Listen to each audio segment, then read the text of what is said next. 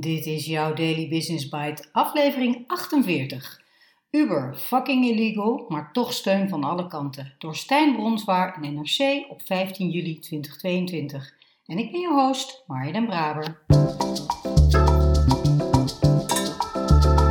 Je luistert naar Daily Business Bites met Marja den Braber. Waarin ze voor jou de beste artikelen over persoonlijke ontwikkeling en ondernemen selecteert en voorleest. Elke dag in minder dan 10 minuten.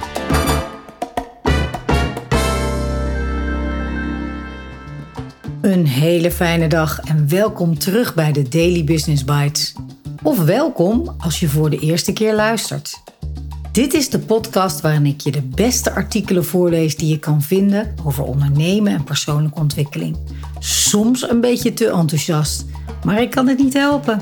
Ik houd van het onderwerp en van lezen. Dus dank dat je met mij meeluistert vandaag en elke dag. Deze week kwamen ruim 124.000 interne documenten van taxi-app Uber naar buiten. Het Amerikaanse techbedrijf zocht de grenzen op, met steun van de Nederlandse Belastingdienst. Als Ubers topadviseur Kees Kolen in 2016 op het podium van technologieconferentie The Next Web staat, kan hij niet duidelijker zijn. Als je als bedrijf met iets groots en marktverstorends bezig bent, dan krijg je uiteindelijk problemen met de wet, zegt Kolen.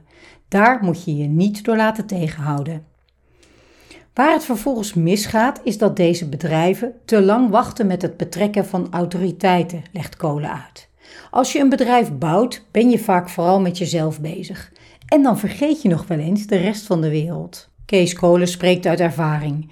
In de jaren daarvoor heeft hij Uber-topman Travis Kalanick geholpen om de Amerikaanse taxi-app uit te breiden naar het buitenland. Die expansie krijgt vorm vanuit Ubers internationale hoofdkantoor in Amsterdam, van waaruit de activiteiten in Europa, het Midden-Oosten en Afrika worden aangestuurd. Kalanick is gewend om met Uber de grenzen van de wet op te zoeken en daar af en toe ook overheen te gaan. Uber hanteert per stad een overvaltactiek om de taxi-app te introduceren. Een snelle jongen, een launcher zoals Uber het noemt, vaak een dertiger met werkervaring bij een Amerikaanse zakenbank, vliegt met een laptop naar een stad, stelt een team samen en enthousiasmeert chauffeurs om zich aan te sluiten. Lokale influencers met veel volgers op social media die willen meeliften op het nieuwe techwonder zorgen voor de hype. Dat lokale taxiwetten helemaal niet toestaan dat Uber zaken doet in de meeste steden, ziet het bedrijf als een probleem dat zich later vanzelf zal oplossen. In de visie van Kellenek is de taximarkt een vastgeroest, klantonvriendelijk systeem dat hoognodig opgeschud moet worden. Dat kan alleen met gestrekt been, is het idee. Deze week kwamen er via Internationaal Journalistenconsortium ICIG ruim 124.000 interne e-mails, tekstberichten en andere documenten van Uber naar buiten over de periode tussen 2013 en 2017. De documenten maken tot in detail duidelijk hoe Uber in Europa een voet tussen de deur wist te krijgen. In Nederland publiceerde FD, Trouw, De Groene Amsterdammer en het onderzoekscollectief Investico deze week over deze Uber-files.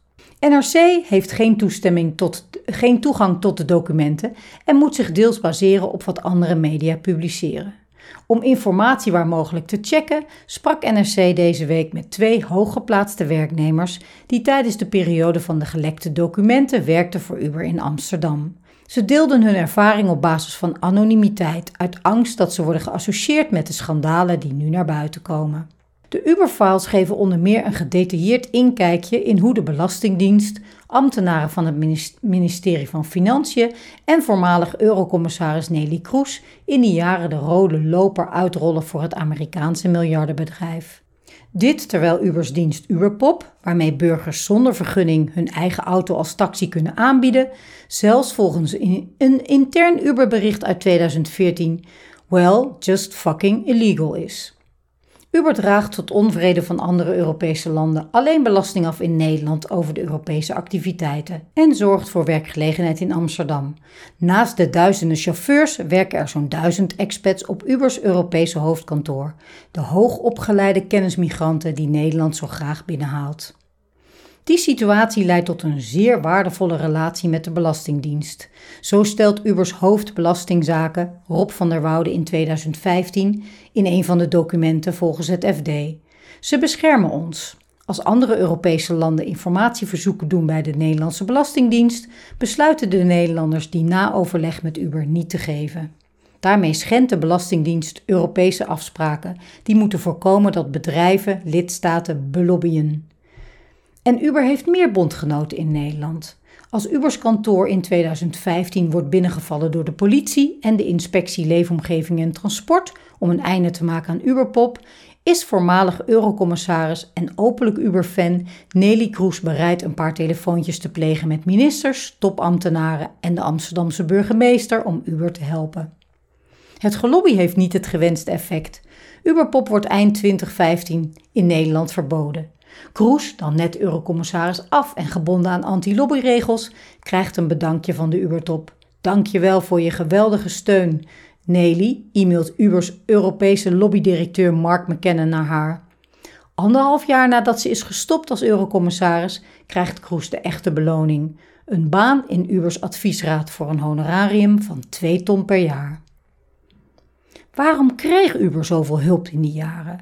De periode tussen 2013 en 2017 was een tijd waarin optimisme over techbedrijven hoogtij vierde en de Belastingdienst het binnenhouden van internationale topbedrijven als Uber als een topprioriteit beschouwde. Kamerleden en ambtenaren associeerden zich maar al te graag met het nieuwe tijdperk dat een bedrijf als Uber voorstond. Pas later blijkt waar, zo, waar zij zo openlijk mee flirten. Een bedrijf dat oprichter Travis Kalanick bouwde op een cultuur die weliswaar heel innovatief was, maar tegelijkertijd ook een donkere kant kende. De Amerikaanse New York Times-journalist Mike Isaac beschreef in zijn boek Super Pumped in 2019 al hoe Uber jarenlang concurrerende taxi-apps en lokale autoriteiten intimideerde en bespioneerde en daar zelfs voormalige CIA-agenten voor recruteerde.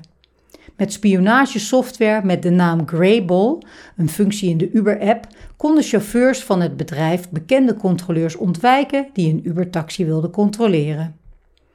Op de werkvloer van Uber was er ondertussen sprake van een macho-cultuur, waar extreme werkuren, drugsgebruik en seksisme hoogtij vierden, met baas Kellenek als alfaman op de aafbarots.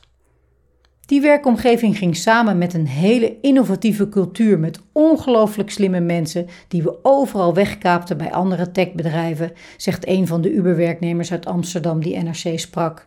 Je had echt het idee dat je bij een bedrijf zat dat, in ieder geval op de langere termijn, goede bedoelingen had. Niet dat je bij een of andere boevenorganisatie werkte, maar misschien was dat naïef. Kellenek trad in 2017 na een aanhoudende stroom schandalen. Hij schold onder meer een Uber-chauffeur uit tijdens een taxirit. Het filmpje ging viral, gedwongen af. Onder de nieuwe topman Dara Khosrowshahi is Uber inmiddels een stuk rustiger geworden. Grable is afgeschaft, de wet wordt niet meer bewust overtreden en Uber zegt tegenwoordig te streven naar winstgevendheid. In een reactie op de Uber-files-onthullingen kiest het bedrijf de lijn die het al jaren volgt als schandalen uit het verleden naar buiten komen. Dat was vroeger, we zijn veranderd. We zoeken geen uitvluchten voor gedrag uit het verleden, zei Uber-woordvoerder Jill Hazelbaker deze week tegen The Guardian. We vragen het publiek om ons te beoordelen op wat we de afgelopen vijf jaar hebben gedaan en wat we de komende jaren zullen doen. Die verandering heeft Uber voor ontwikkelaars een minder interessante werkgever gemaakt, vertellen de twee voormalige Amsterdamse Uber-werknemers. Ze zagen hoe Uber geldverslindende, maar voor werknemers spannende en interessante projecten in zelfrijdende auto's en vrachtvervoer stopzetten of terugschaalde. Toezichthouders worden niet meer tegen de schenen geschopt, maar tegenwoordig in een vroeg stadium betrokken. Dit alles heeft de app verslechterd, zeggen beide. Chauffeurs hebben de mogelijkheid gekregen om korte ritten niet te accepteren, de prijzen zijn gestegen en de regels op Schiphol aangescherpt. Uber buigt en de klant heeft daar last van, zegt een van de twee ex-werknemers. Als ik tegenwoordig Uber wil gebruiken, kom ik alsnog bij een gewone taxi uit. Daily Business Bites met Marja Den Braber. Je luisterde naar Uber, fucking illegal, maar toch steun van alle kanten, van Stijn Bronswaar. Zo, daar staan wel even wat feiten in die ik niet wist en die er ook niet om liegen. Aan de ene kant veel waardering voor innovatieve ideeën die in de kern goed zijn of die een ingedutte industrie wakker schudden. Brutaal, rebels.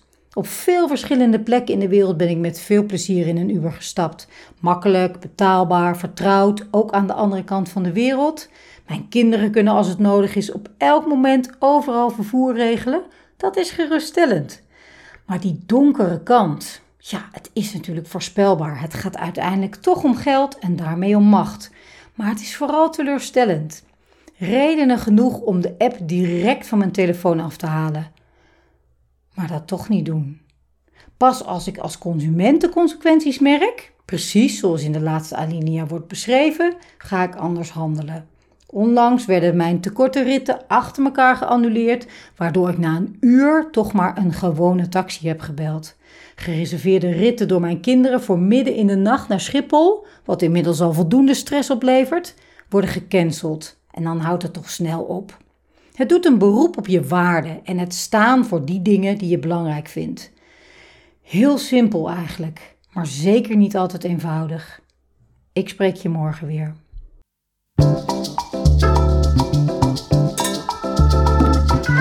Dit was Daily Business Bites. Wil je vaker voorgelezen worden? Abonneer je dan op de podcast in je favoriete podcast-app. Meer weten? Klik op de links in de show notes.